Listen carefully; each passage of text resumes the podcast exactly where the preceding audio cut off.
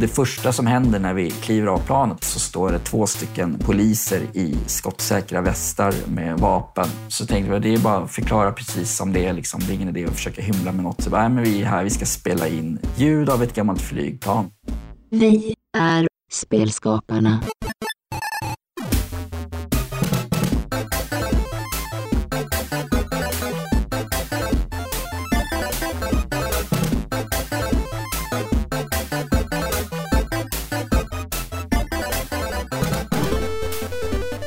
Välkommen till Spelskaparna, podcasten om personerna bakom spelen. Dagens avsnitt produceras i samarbete med East Sweden Game och eh, med från East Sweden Game har vi dig, Thomas. Välkommen! Tack så mycket! Kan du berätta lite grann om vad håller ni på med just nu på East Sweden Game? Ja, det händer väldigt mycket på East Sweden Game trots eh, rådande coronapandemi. Viktigast just nu eh, är att vi har precis öppnat ansökningen till den spelutbildning som vi kör tillsammans med Valla folkhögskola här i Linköping, Valla Game Education. Så jag vill uppmana alla att gå in på vallagame.se och eh, där kan ni läsa mer om den här eh, spelutbildningen och även såklart ansöka. Och eh, vi kommer ju fortsätta det här samarbetet och det här avsnittet har ju faktiskt du spelat in också. Det stämmer. Jag har intervjuat eh, Max eh, och det blev ett väldigt intressant och bra samtal tycker jag. Härligt, men då tar vi och lyssnar på det. Då säger vi hej till Max Lachman. Hej och välkommen! Hej! Kul att få vara här. Ja, jätteroligt att ha dig här. Eh, kan inte du berätta för lyssnaren lite vem du är och vad du pysslar med om dagarna? Jag heter som sagt Max Lachman. Jag jobbar på ett företag som heter Pole Position Production där jag är CEO. Och vi är ett ljud-outsourcing-företag som främst jobbar med spel, även lite film och liknande. Så vi håller på med allt från ljudläggning av trailers, cinematics, vi gör eh, musik till spel och film. Vi gör väldigt mycket fältinspelningar och vi gör ljuddesign och eh, implementerar in i spel också. Jag förstår att det här är en hel vetenskap, men om man bara ska liksom summera lite. Vad är det viktigaste, eller vad är det som skapar ett bra sound i ett dataspel? Oj, det är en jättesvår fråga. Det beror på vad det är för genre kanske på spelet. I vissa spel kanske det viktigaste är att sätta rätt stämning med ambienser och musik. Att man känner att man är i en magisk skog, om det är där man ska vara. Medan i ett racingspel så är det ju helt andra saker som spelar in. Då vill man ju kanske höra motorn ordentligt och känna kraften i fordonet och, och alla ljud som kan förstärka den upplevelsen. Så det är nog väldigt olika beroende på vad man gör för typ av spel. Det var ju faktiskt så att eh, jag lärde känna dig när jag jobbade på en spelstudio som heter Power Challenge. Vi jobbade med ett racingspel och vi behövde ljuddesign till det här spelet. Och då hade jag nog bilden av att eh, vi skulle plocka fram någon gammal CD-skiva med lite fordonsljud och lite kraschljud och sådär. Men eh, ni skickade ju upp en bil i en lyftkran som släpptes ner och det var, alltså, det var riktiga kraschljud och ni, ni demolerade bilar. Och än idag kan jag ju fundera på, var det verkligen nödvändigt? Jo, men det var det absolut. För oss fanns det ingenting annat än att vi behöver det här ljudet, då måste vi spela in det. Det var vår enda approach till saker. Att det fanns ljudbibliotek och sånt, för oss var det helt främmande. Och kändes någonstans som fusk också. Då, vi, vi ska göra bilkrockar, klart vi måste spela in hur det verkligen låter när man krockar en bil. Sen har vi ju insett senare att det kanske inte alltid är en autentisk bilkrock som gör jobbet i spelet. Man kanske ändå måste stoppa in massa sweeteners eller bygga upp någonting som känns kraftigare eller har mindre glas i sig eller mer plåt eller vad det än är för någonting. Men för oss var det, och är fortfarande faktiskt genomsyrar vårt företag ganska mycket, att vi vill ta fram ljuden från scratch helst själva för att det inte ska vara en massa biblioteksljud. Och det blev ju väldigt bra, det måste man ju säga. Det blev ju fantastiskt bra ljuddesign i, i det spelet som jag höll på med. Ja, vad kul. Blev de inte förvånade på... Var var ni någonstans? Ni var på någon sån bil... Ja, vi var på en skrot. En skrot, ja. Blev de förvånade när ni kom med mikrofoner och sa så här, kan ni krascha en bil åt oss? Har ni någon skrothög? Vi fick ju prata med dem innan, för vi hyrde en stor kranbil som vi fick rulla in där. Vi var tvungna att se till att det fanns en plats där vi kunde vara, att det inte var någon annan verksamhet runt omkring. Så de var väl förberedda och bra samarbetsvilliga. Jag tror att de, oftast när vi gör såna här grejer så tycker folk att det är ganska kul för det är någonting som bryter av deras vardag. Oavsett om det är att vi ska spela in något flygplan som behöver flyga på något visst sätt eller om det är att vi ska krascha bilar eller vad det än må vara för någonting så bryter det folks vanliga vardag på de här platserna dit vi kommer. Så oftast tycker de att det är ganska kul. Och Power Challenge, det var, ju, eh, det var ju länge sedan. Det var väl en 12 år sedan eller något sånt. Och eh, jag antar att ni har gjort andra produktioner sedan dess. Kan du nämna några av de spelen som ni jobbat på senaste åren? av de jag får nämna senaste åren, det är ganska lång utvecklingstid på, på spel så att ofta får man inte ens prata om det man har gjort sista året. Men eh, Battlefield 5 gjorde vi alla fordon till, eller nästan alla. The Crew 2 hade vi en stor del i. Vi spelade in flygplan till Microsoft Flight Simulator. Aha. Och sen vad har vi mer? Musiksidan så har Mats gjort musik till ett spel som heter The Hunter som är jättefin musik. Generation Zero det finns allt möjligt. Man får gå in och kolla på vår hemsida, pole.se.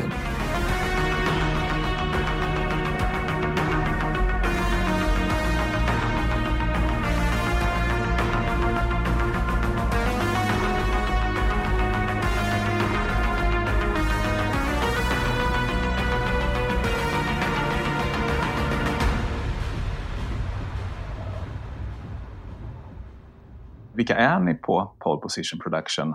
Hur många är ni till att börja med? Idag är vi tio personer, allt som allt. Alla är inte heltid, men vi är tio personer som jobbar. Vi har en elfte person som kommer in här i februari. Företaget grundades av mig och Bernhard och Mats för väldigt länge sedan som ett musikproduktionsbolag från början. Men sen har vi under resans gång hamnat mer och mer in i spel. Så att idag är spel vår huvudsakliga syssla, skulle jag säga.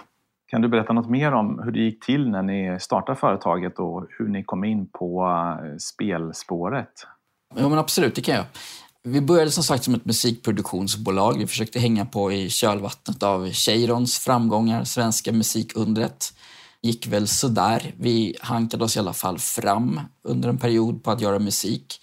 Och sen kom hela nedladdningshysterin och skivbolagen drog eh, öronen åt sig och det vart eh, väldigt mycket svårare. Så det fanns helt plötsligt ingen riktig budget längre i att, att hålla på med musik på det sättet vi gjorde.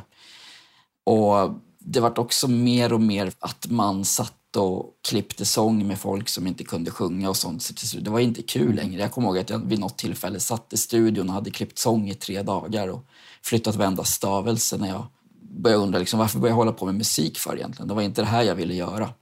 Eh, och ungefär samtidigt med det så fick vi en fråga, för Bernhard som var medgrundare till vårt företag, han höll på med GT-racing. Han hade en Porsche och tävlade i SM-serien med den. Och en av hans konkurrenter på banan var spelutvecklare av racingspel och visste att Bernhard höll på med ljud och frågade om vi hade lust att prova att göra ljud till hans spel. Så att bananskalet halkade vi helt och hållet in på i branschen. Ehm, vi gjorde ett test. Vi hade ingen aning om alls hur man gjorde utan det här var helt och hållet. Vi vi tänkte bara, vad, i ett bilspel, man, hur ser man bilen och vad vill man höra? Och sen så tog vi Bernhards bil, vi skruvade av ljuddämparen, åkte till en bana och spelade in och han köra ett par minuter innan, innan grannarna kom springandes och skrek att vi måste sluta för att det lät för mycket. Men där började det i alla fall och sen har det där bara rullat på. Det spred sig väl att vi, vi gjorde fordon till spel vilket är ganska komplicerat. Jag skulle vilja påstå att det är en av de mer komplicerade komponenterna i ett spel att få fordon att låta och kännas bra. Det låter som att ni är ganska spännande eh, karaktärer, ni som bildade företaget. Vad gjorde ni innan eller vad har ni för bakgrund? Bernhard är ju faktiskt en legendarisk ljudtekniker i Sverige som har gjort allt det stora på 90-talet, både i Sverige och även internationellt mixade han. Eh, producerade mycket också. Jag tror han har haft sex Englandsettor bland annat. Oj. Otroligt duktig. Han kommer från den delen. Idag driver han Benny Anderssons studios och jobbar med Bennys grejer. Mats är en gammal kompis till mig, gammal popstjärna på 90-talet som eh, spelade i band och det var så jag lärde känna honom också. Att vi, jag spelade in någon demo med hans band för länge sedan på Polarstudion och vi lärde känna varandra och har jobbat faktiskt tillsammans sedan dess i olika sammanhang. Jag kommer från musikbakgrund också. Började sen som lärling på Polarstudion där jag lärde känna Bernhard och sen efter Polarstudion så bildade jag bolaget tillsammans med, med Bernhard och Mats. Jag har en känsla av att många som jobbar med musik och ljud i spelbranschen är självlärda eller man, man är liksom hobbyist och sen vill man ta steget och tjäna lite pengar och så gör man spel. Men, Men ni kommer ju lite från andra hållet. Ni har ju en tung, eh, verkligen tung etablerad eh, bakgrund, vilket måste vara en, en stor fördel. Hur är det, upplever ni mycket konkurrens ifrån andra studios eller liksom mer hobbyister och så? Eller är det lätt för er att ta hem eh, beställningar?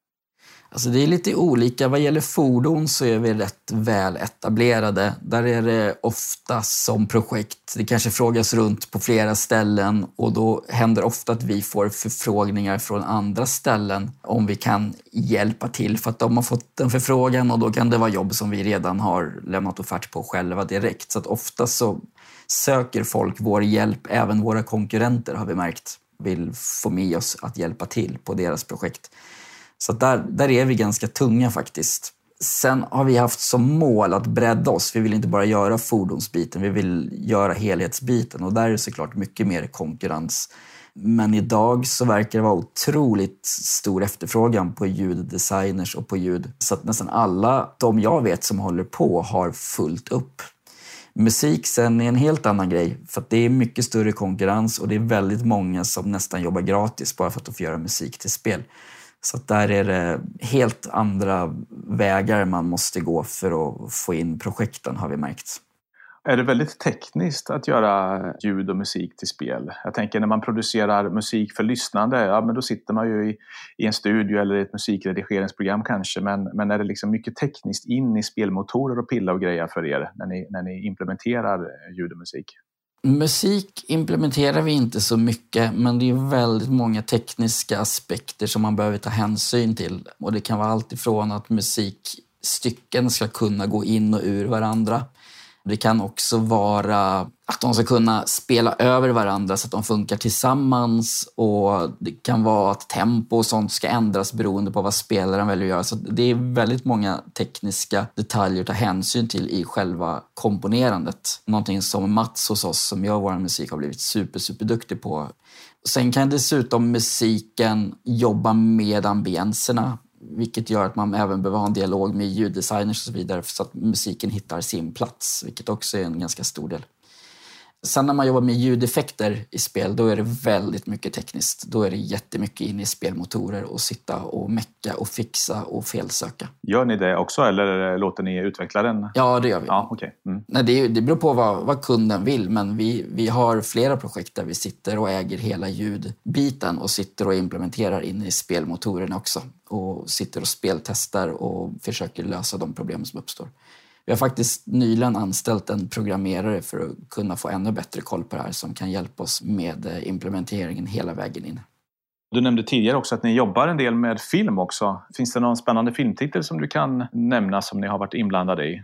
Den vi såklart är mest stolta över är ju Dunkirk där vi spelade in väldigt mycket båtar och flygplan. Vilket är extra kul. Dels för att det är Richard King som är en idol. Han har gjort mycket tunga filmer och vunnit fyra Oscars. Och även Dunkirk vann för bästa ljudeffekter och bästa ljudmix. Så det är väldigt roligt för att ljudeffekterna har en väldigt framträdande roll i den filmen. Och det är inte så ofta när man har spelat in ett flygplan, när man ser eller hör slutresultatet där man faktiskt hör sina ljud på det sättet som de lät. Men, men i den filmen så ligger de verkligen up front och som inspelningen verkligen var. Så det, den är vi väldigt stolta över.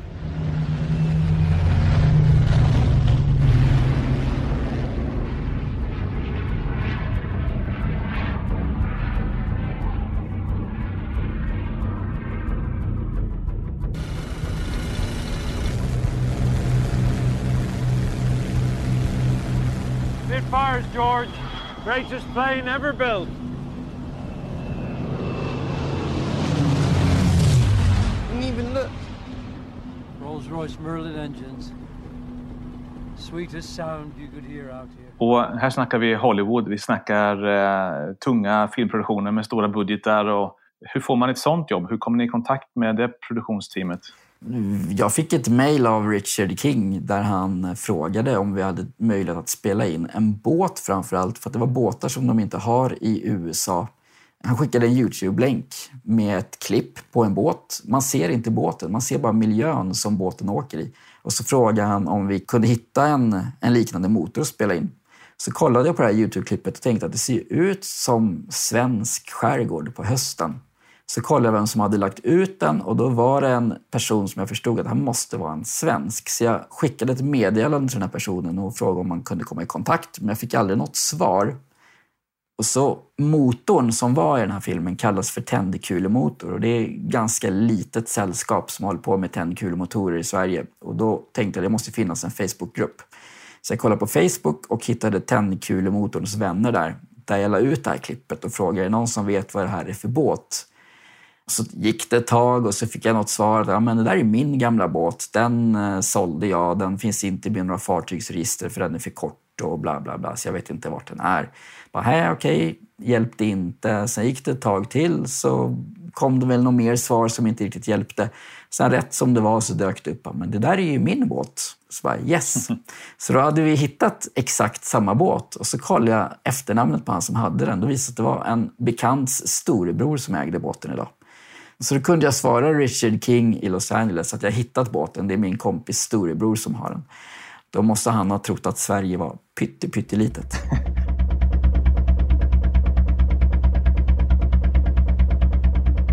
Alltså det låter ju verkligen otroligt att du hittade båten fast den inte ens var på bild i filmklippet. Hur mycket tid lade du på det här? Det låter som du liksom satt och researchade och, och mejlade i flera år. Nej, men det, det var ganska korta puckar. Vi hade sex veckor på oss från det att frågan kom till att de behövde få materialet. Så det gick rätt fort, men det tog nog ett par veckor ändå innan vi hade lyckats hitta den. Och sen medan det pågick så kom det bara fler och fler grejer. Bara, kan ni spela in ett sånt här flygplan också? Kan ni spela in några såna här båtar också? Så vi, det där växte på ganska fort, men med samma tidsramar. Men vi hade lite tur. Det var samma sak. Vi åkte över till England och spelade in två flygplan där för filmen. Och precis i samma veva kom jag i kontakt med en ägare som hade ingångar på två andra båtar som de behövde. Varav det visade sig att de låg i Themsen i London. Alltså. Så mm. Då kunde de spela in flygplanet på lördagen och sen på söndagen spelade de in båtarna och så flög hem på kvällen. Så vi lyckades liksom, vi hade väldigt tur faktiskt med hur vi fick ordning på de där grejerna.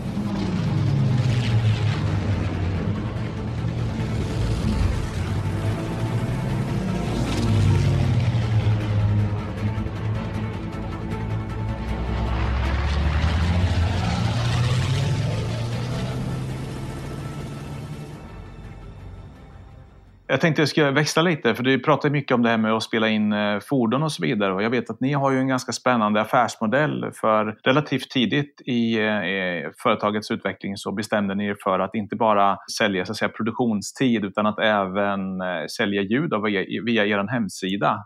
Kan du berätta lite hur ni tänkte kring det och hur, hur det har gått? Det var också ända sedan början egentligen så fick vi tipset av någon att behåll rättigheterna till det ni spelar in, för de kan ni ha nytta av. Det finns fler som efterfrågar fordon. Det är liksom svårt att spela in och så här, så att se till att behålla rättigheterna till dem. Tänkte, ja men det kan vi göra. Så vi fick in det i de första avtalen som vi ingick, egentligen utan några större svårigheter. Och sen så efter ett tag så hade vi en ganska stor bank av inspelade fordon, helt och hållet med spel i, i åtanke. Det var egentligen bara mickar som satt på fordonen som körde enligt vissa angivelser. Liksom. Så det var bara mickar på fordonen som åkte med fordonet. Liksom. Och sen efter ett tag så tänkte jag att vi får försöka göra någonting av det här. Så vi fick tag på någon kille som kunde hjälpa oss att sätta upp någon enkel hemsida där vi började sälja de här grejerna. Och det tickade väl på lite grann. Liksom. Det var, blev väl ingen jättestor grej sådär, men det sålde ändå lite grann. Sen fick vi större och större jobb och då började det bli svårare och svårare att få igenom det här med att få behålla rättigheterna. För det är rätt ovanligt insåg vi sen, både inom film och spel. För att ofta vill spelutvecklarens publisher ha allt ägande. Men vi stod på oss och sa att det här har vi alltid gjort, så att ska vi hjälpa till då vill vi behålla rättigheterna och har fått igenom det faktiskt i nästan alla fall när vi har gjort jobb. Och idag är det faktiskt så att vi för det mesta tackar nej till jobb om vi inte får behålla rättigheterna. Men sen i alla fall så började det höra av sig folk från filmvärlden som sa att det är jättefina inspelningar men, men det är ju bara ombord. Liksom. Det funkar inte för oss.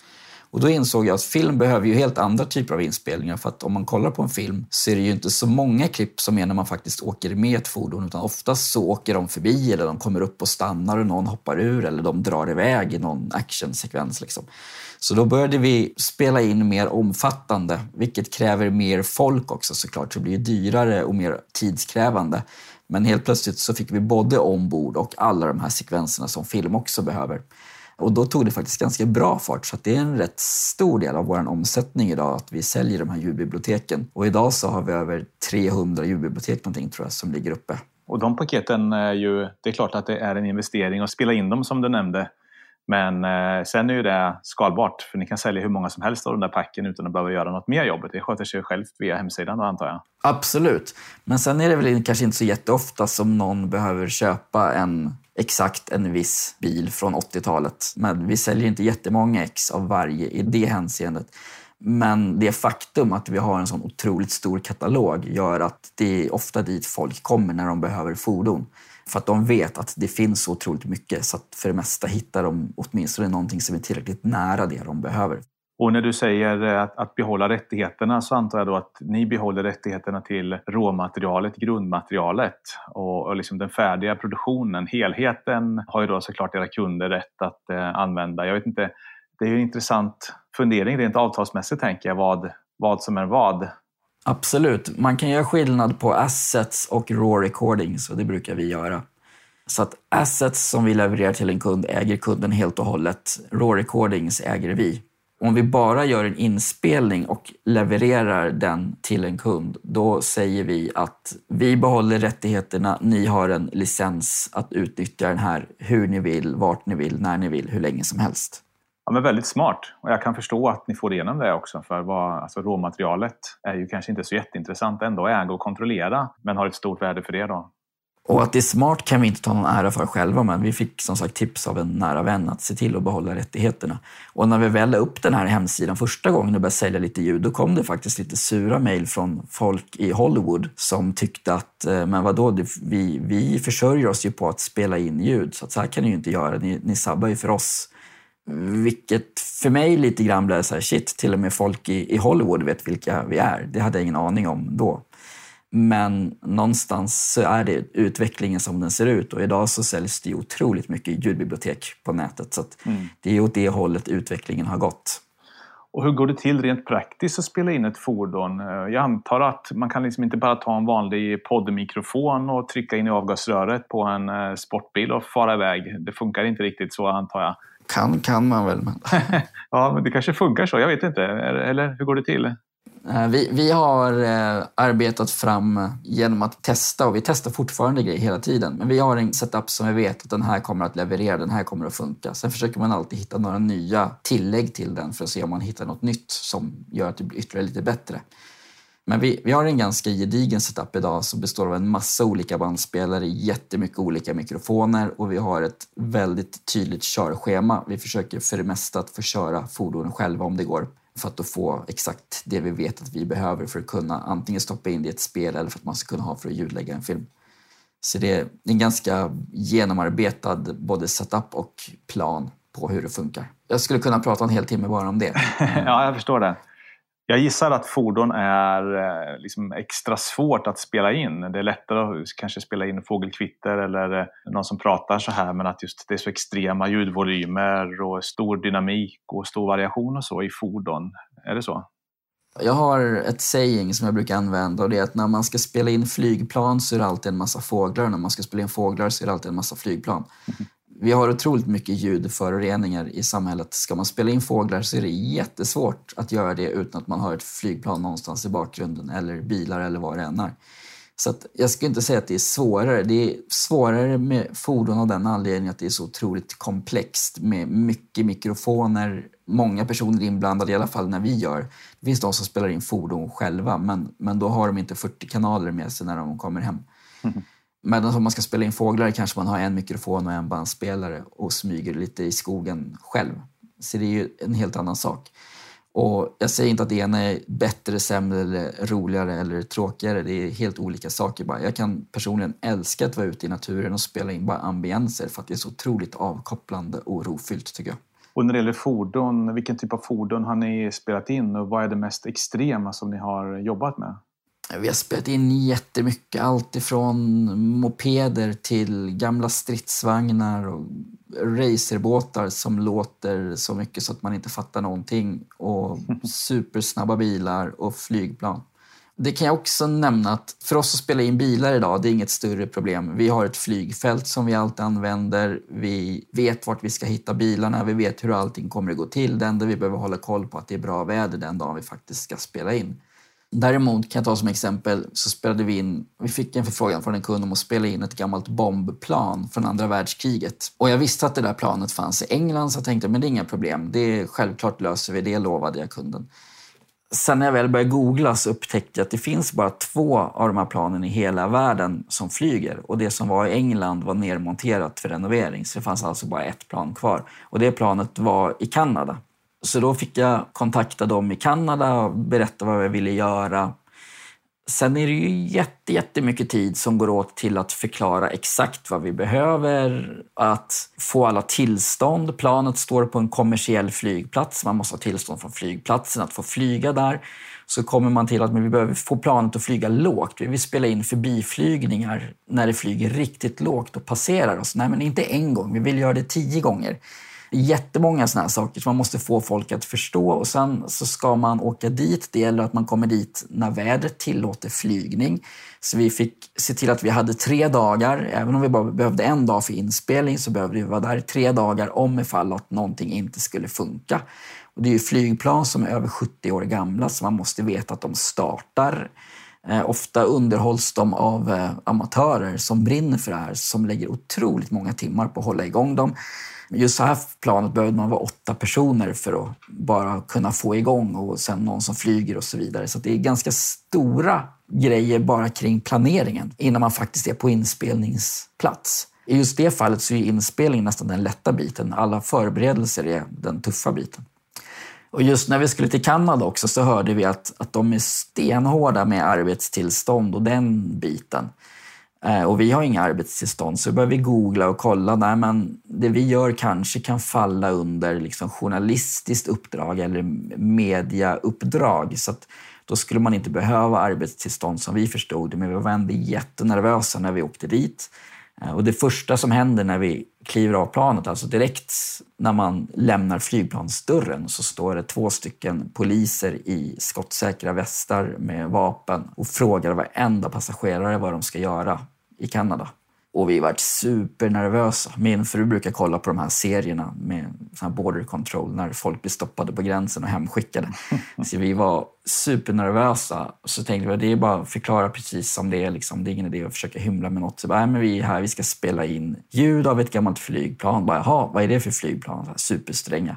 Nej, men det är en gammal Lancaster-bombare. Och de här poliserna har varit helt exalterade. Bara, Åh, min farfar flög såna. Åh, de är så himla coola, vad kul. Klart ni ska komma hit. Liksom. Så de blev hur exalterade som helst. Sen kom vi till nästa del som var tullen. Vi kommer med utrustning för hur mycket pengar som helst och ska ha in den i landet. Samma sak där. Vad ska ni göra? Bara, men vi ska spela in flygplan. Bara, Åh, vad coolt! Åh, de är så fina de här gamla flygplanen. Så hela vägen var folk bara jätteexalterade. Så det var bara och gå igenom hela vägen och vi fick med oss restaurangtips på vart vi skulle äta mat och allt möjligt. De var hur trevliga som helst. Så det, det var inte alls så otäckt som vi trodde att det skulle vara. Men det gick bra sen. Ja. Eh, ni kom fram till planen till slut och det startade och ni lyckades. Eh, vi kom fram, det startade och det flög.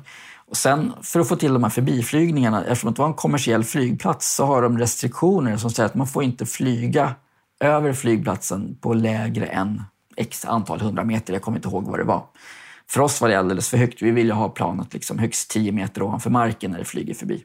Så för att kunna kringgå det så gjorde de så att piloten rapporterar till tornet att jag kommer in för landning, fäller ut hjulen, går in för landning och sen när han är ungefär där vi stod så säger han till tornet att jag avbryter min landning och så bara fäller han in hjulen och så drar han på igen.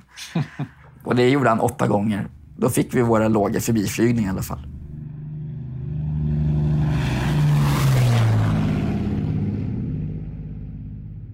Ja, jag förstår att det finns en hel del utmaningar och det gäller att vara uppfinningsrik och, och liksom komma på smarta hacks för att kringgå regler och så vidare. Så är det, men det är som jätte, jätteviktigt att desto mer man har scoutat och pratat med folk på plats och gjort research och allt sånt innan man åker, desto lättare går det när man väl är på plats. Vi har faktiskt en person idag som eh, lägger åtminstone halva sin tid på att bara hålla på med sådana grejer. Mm. Är det roligt? Jag menar, när du berättar så här så låter det fantastiskt roligt och, och spännande. Jag ser nästan framför mig någon slags Indiana Jones-figur med mikrofoner och sladdar och bandspelare liksom runt höften istället för den här piskan. Då.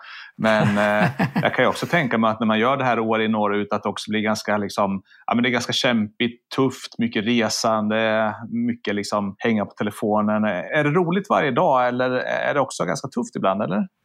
Jag tycker det är roligt, men det är klart att det är tufft också. Det är ju mycket ansvar att åka iväg till USA för att spela in ett flygplan när man vet att en kund betalar nästan en halv miljon för att vi ska få till det där ljudet.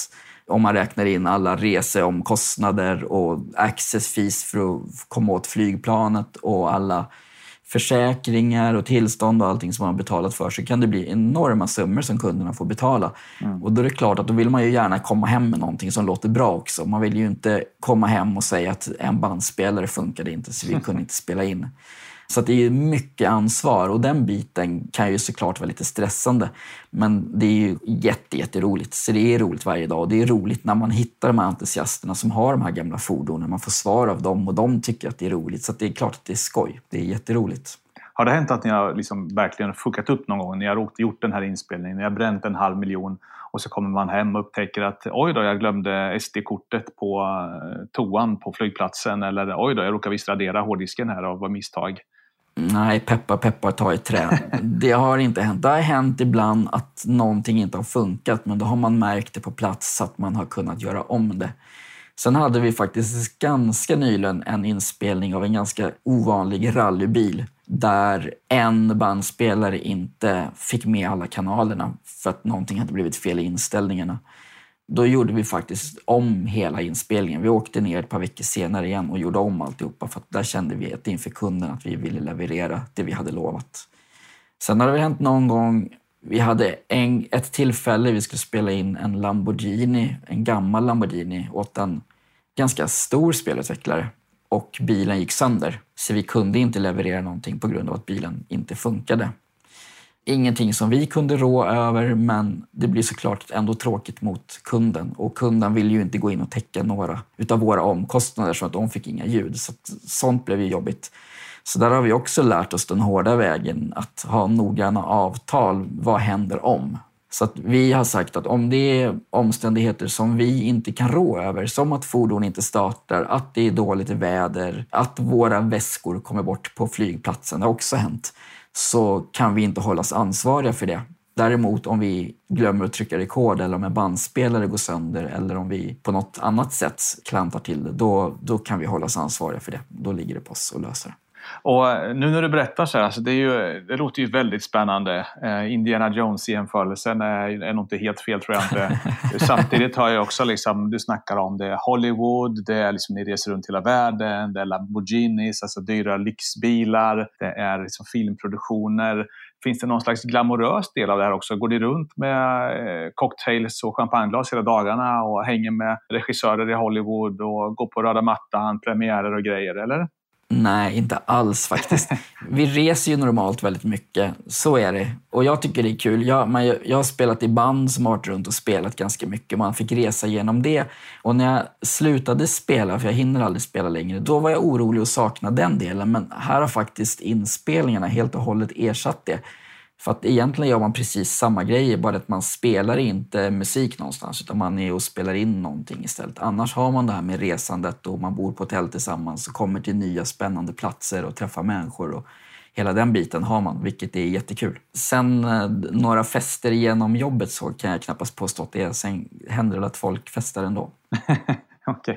Ja, det där låter som ni får styra upp lite grann. Lite mer glamour tror jag att ni faktiskt är eh, värda eh, i teamet. Ja, det tycker jag också. Hur har det gått med corona nu då?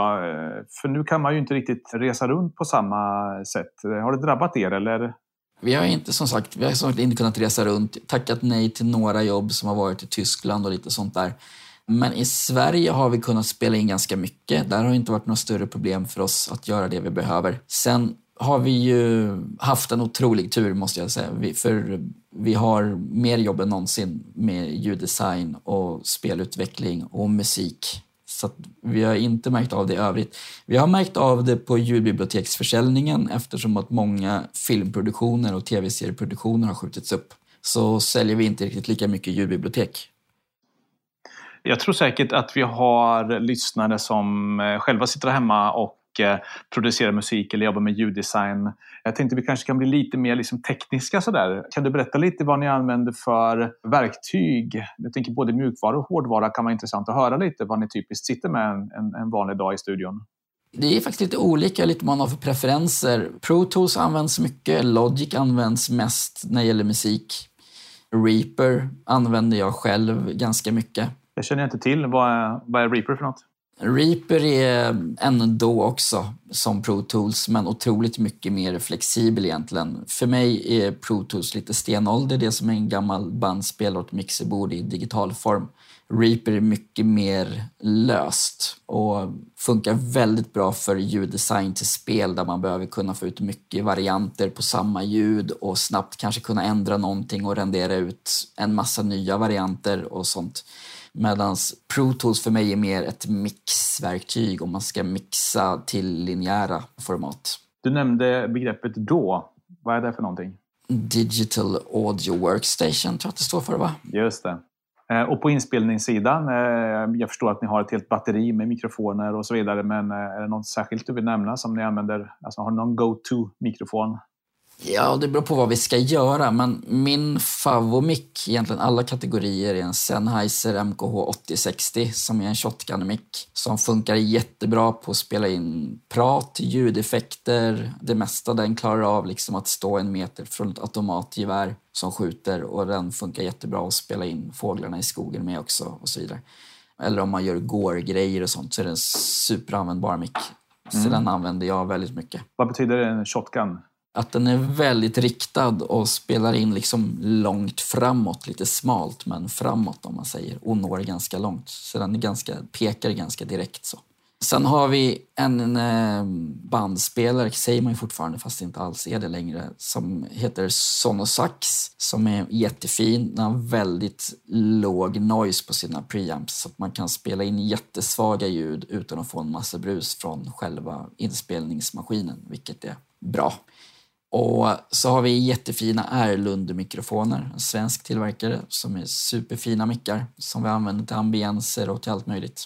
Jag har, jag har sett, eh, det finns en bild på dig, jag tror den ligger på hemsidan, där du står med en mikrofon som är, den ser ut att vara nästan lika lång som dig och, eh, och lika hårig som dig också. Den är helt lurvig, eller ser ut som en stor hund nästan. Vad är det för någonting? Alltså alla våra mickar har vi ju sån här Rycoat eh, windshields till för att skydda från vind. Så det sitter nog bara en vanlig liten mikrofon där i men, men för att skydda den från vind och, och så, så har man såna här blimpar på och sen har man en päls ovanpå blimpen. Ja, det ser väldigt roligt ut. Är det mycket skötsel av en sån? Måste man borsta den varje dag och schamponera ibland och sådär? Man får faktiskt med en borste när man köper dem. Alltså, Eh, Så att man ska kunna borsta den, men vi, vi är nog rätt dåliga på det. När, när, senast här nu så var vi och spelade in explosioner med militären. Och då är grejerna rätt geggiga, så då fick de faktiskt åka i tvättmaskinen sen. Men annars är vi ganska dåliga på att ta hand om dem. De blir lätt lite svedda av, av allt möjligt och sådär.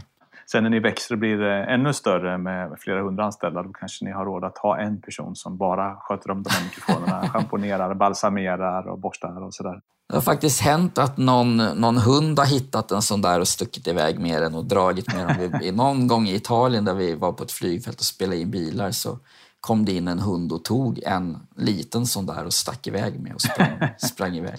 Okej. Så de ser väl ut som några små djur de där. ja, kul. Du nämnde att ni spelar in eh, vapen också och det är väl också en specialitet som ni eh, har, eh, just att spela in olika vapen, både stort och smått. Stridsvagnar nämnde du, även mindre vapen. Ja, men det stämmer. Stridsvagnen i sig är väl för oss en motor. Sen har ju den såklart bestyckning på liksom, som man kan i så fall spela in. Men det stämmer, vi spelar in vapen också. Det är, det är mycket mer komplext än fordon skulle jag säga. Dels för att det är såklart väldigt starkt initialt väldigt starkt ska jag säga, för själva transienten är ju jättestark. Men det som är det viktiga egentligen med en vapeninspelning det är ju sen svansen, det vill säga klangen efter. Mm. Och den blir ju väldigt lätt förstörd av fåglar och flygplan och människor som sparkar i grus eller vad det än är för något. Så det är jättekomplext att spela in vapen. Hur går det till? Ett vapen går man ju inte in på ICA och köper hur som helst. Eh, det måste också vara mycket regler och lagar och sådär. I Amerika så går man väl in på ICA och köper dem, är det inte så? ja, det är sant. Ja, rätt vi, har, okay. vi har varit där några gånger och spelat in med, med samlare. Vi vill helst ha med professionella människor att göra genomgående så att vi har jobbat med professionella armorers både i, i Sverige och i USA och även i England har vi varit någon gång. Så man vet att det är folk som faktiskt kan grejerna och som kan handha dem under säkra omständigheter. Du nämnde att när ni spelar in bilar så vill ni helst köra själva så ni får liksom rätt sound och rätt sammanhang. Är det samma med vapen? Vill ni helst bränna av skottet själva också? Nej, jag personligen är inte så förtjust i vapen så jag vill helst inte behöva röra vapnen alls utan det får de som kan göra. Det låter säkrast så kanske för alla inblandade. Jo, jag tror det.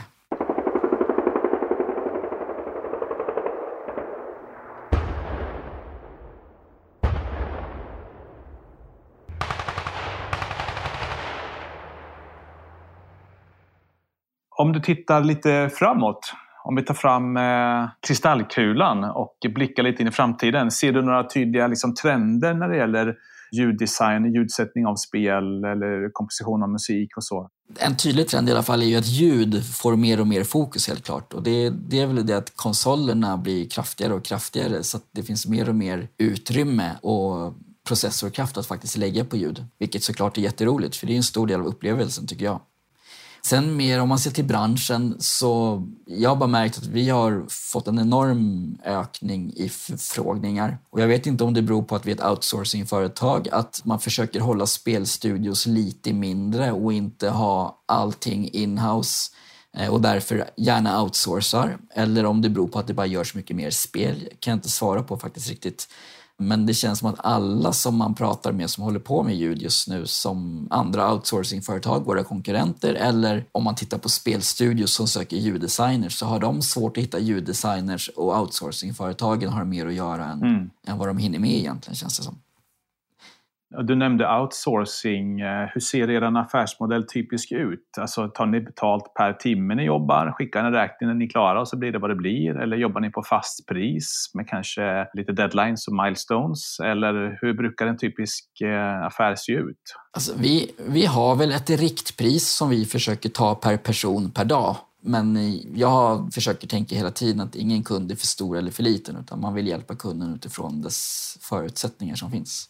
Så även om man driver en liten indie-studio med begränsad budget så kan man alltid slå en signal eller skicka ett mejl till er. Det är man alltid välkommen att göra. Vi hjälper alltid till så gott vi kan utifrån vad vi har möjlighet med. Har ert företag klarat sig på era egna intäkter eller hade ni någon slags investering eh, när ni drog igång företaget? Nej, det har vi faktiskt inte haft. Vi har inga investerare och vi har heller inte tagit några lån. Och det är jag rätt nöjd med faktiskt. Det har egentligen kanske aldrig varit någon uttalad grej utan vi har bara jobbat på och försökt att få det att gå runt. Men där vi sitter idag så är jag faktiskt väldigt nöjd med det. Ja, det låter optimalt. Och då har ni också kunnat eh, behålla ägandet då i grundargruppen gissar jag? Ja, det har vi. Eh, idag har vi även tagit in Niklas som eh, jobbat med oss i många år som delägare. Så vi är fyra delägare idag. Det har nog varit en väldigt omedveten väg framåt och inte så definierad, men vi försöker bli bättre på det. I synnerhet nu som vi växer och vi är mer och mer personer inblandade så försöker vi att bli mer proffsiga även på den biten och sätta upp visioner och mål och ha en lite längre plan framåt. Eh, om man nu lyssnar på det här och känner att fasen, det här är ju min dröm, har jag alltid varit. Eh, jag vill ge mig in i det här. Jag vill jobba på pole position production i framtiden. Hur tycker du att man ska gå tillväga? Är det utbildning som gäller eller är det bara att kavla upp armarna och, och göra spel hemma på sin fritid som gäller? Eller vilken väg ska man gå tycker du? Alltså idag finns det ju jättemycket bra utbildningar som inte fanns när jag började. Jag har ingen utbildning alls egentligen inom ljud. så.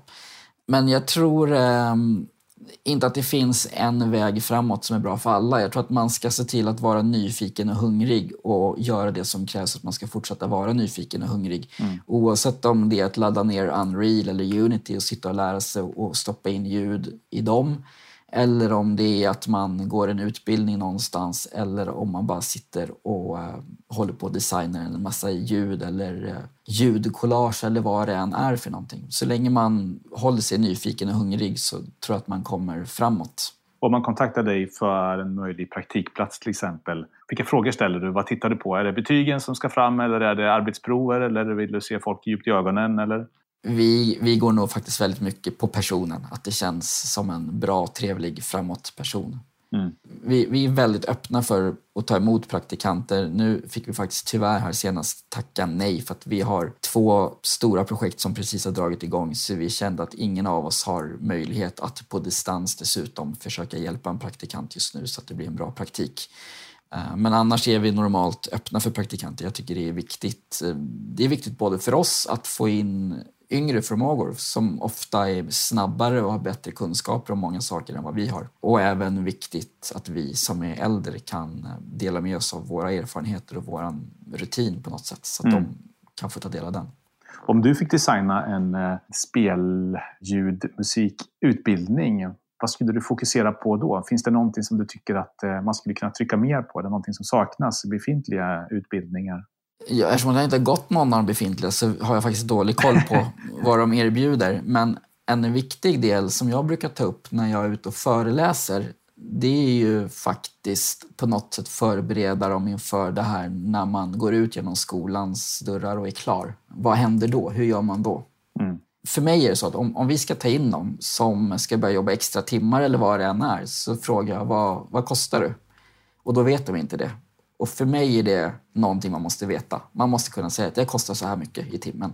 Och kunskapen kring varför man måste kosta x antal kronor i timmen. Och det handlar ju faktiskt om vad man tänker sig. Vad skulle jag vilja ha i lön? Vill jag kunna ta semester? Behöver jag pensionsspara? Vad har jag för omkostnader för studio och utrustning och sånt? Så att man faktiskt vet vad man ska titta på för att kunna säga att Nej, men så här mycket kostar jag för att och den frågan vill jag kunna få svar på om jag frågar någon som jag ska ta in som ska jobba. Och en förberedelse för det tänket tycker jag skulle vara viktig på en sån här utbildning. Mycket bra tips och tankar där. Har ni någon vision för bolaget, alltså Pole Position Production?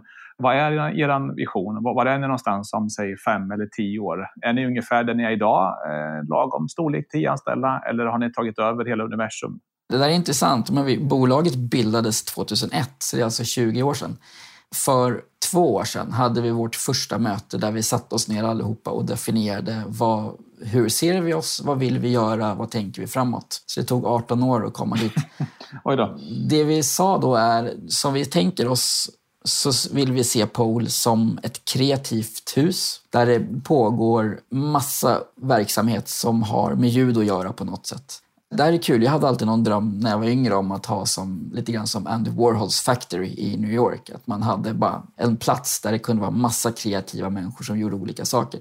Det här blir egentligen lite samma sak men under mycket mer städade och strukturerade former.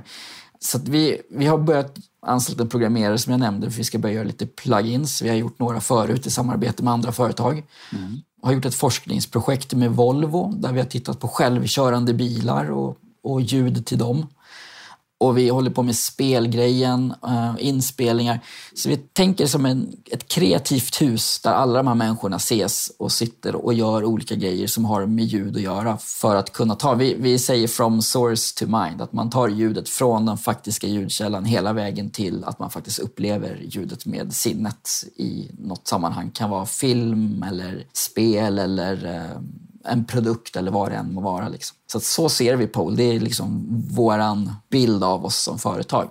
Sen sa vi där för två år sedan att vi skulle vara 18 personer tror jag om sju år. Men då var vi fem personer tror jag. Nu är vi redan tio efter två år.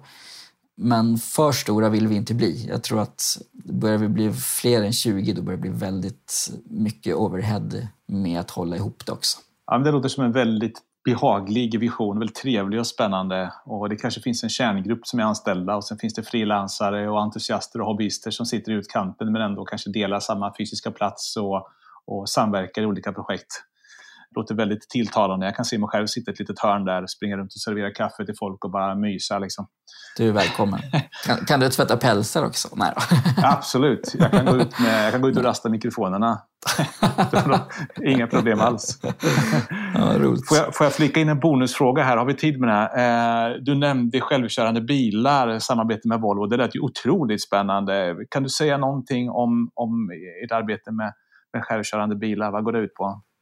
Eh, vi, vi har gjort ett eh, forskningsprojekt med Volvo och eh, RISE Interactive som har varit eh, delfinansierat av Vinnova som är en statlig eh, finansiär som går in i forskningsprojekt som de tycker är viktiga. Eh, och I det här fallet så tittade vi på självkörande bilar och om man med ljud kan få den som åker i en självkörande bil att känna sig mer trygg och även motverka åksjuka.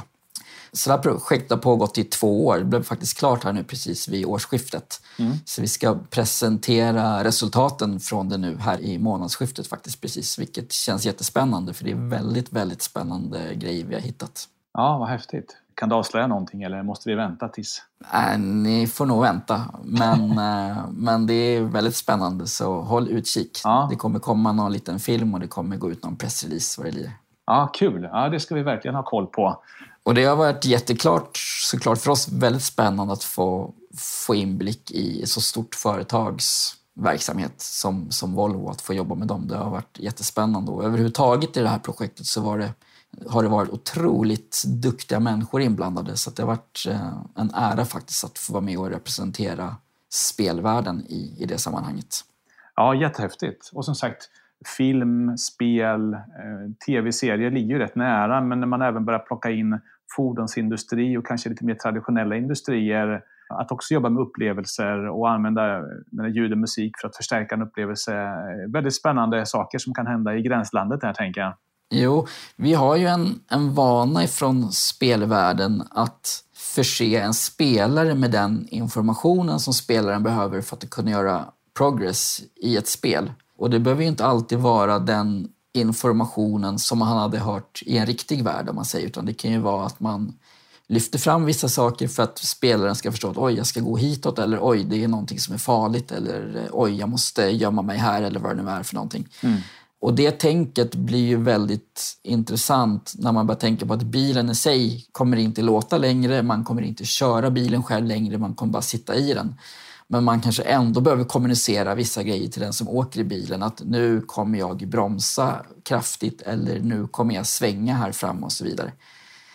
Hela det tänket har spelvärlden kommit ganska långt med och jag tror att det är det som industrin kan tycka är intressant att få, få ta del av. Hur man kan eh, guida sin passagerare liksom, med ljud. Ja, och där har vi ju ytterligare en eh, framtidsspaning eller någon slags trendspaning. Och det känns ju verkligen som spelbranschen är hetare än någonsin och att eh, är man duktig spelutvecklare eller man sitter just nu på en utbildning så finns det, eller det kommer finnas i framtiden väldigt många intressanta områden man kan jobba inom. Så spelutveckling såklart, men även andra områden som vi idag knappt kan tänka oss. Alltså liksom spelljuddesign i självkörande bilar eh, hade man nog inte kunnat, liksom, den meningen yttrades sällan för tio år sedan, men nu känns det liksom naturligt. Absolut. Ja, kul. Vi får nog göra ett specialpoddavsnitt här framöver med, med, med den här tekniken och den jag kommer fram till. Eh, jättespännande. Men stort tack Max. Jag tyckte det har varit otroligt intressant att eh, prata med dig och få en fördjupad inblick i hur eh, ni arbetar. Tack själv. Det har varit jättekul att få vara med. Och eh, är det okej okay att man kontaktar dig om man är nyfiken på att samarbeta med er eller kanske den här praktiken vi pratade om? Man kan alltid kontakta mig. Eh, jag nås lättast på min mail som är max.pole.se. P-O-L-E.se. Och vi finns även, på hemsidan pole.se där man eh, kan läsa mer och eh, finns mejlinfo och sånt där också. Utmärkt! Återigen stort tack och jag hoppas att vi hörs och syns framöver igen här. Och ha en fin eftermiddag! Tack detsamma! Hej, Olle här. Jag tänkte bara passa på att nämna att Spelskaparna arrangerar ett Game Jam den 5-20 mars 2021. Och det vore superkul om du som lyssnar ville haka på. Vi har till och med gjort en matchmaking-tjänst som innebär att eh, om man är ensam och kanske bara kan eh, grafik eller bara programmering eller sådär så kan man skicka ett meddelande på vår Discord-kanal och eh, då kan vi försöka matcha ihop dig med någon annan som sitter på en annan kompetens och så kan ni göra ett spel tillsammans. Temat är fusk och tanken är att man ska göra ett spel under perioden 5 till 20 mars och att man kanske bara lägger några timmar om dagen eller någon timma här och där. Alltså det behöver inte vara något jättestort man gör, att utan eh, det viktiga är att man eh, är med och kanske lär sig någonting och får ut någonting av projektet. Eh, som sagt, eh, det vore superkul om eh, du ville vara med och eh, du kan anmäla dig genom att följa länken som finns i show notes. Det var allt. Ha det så bra.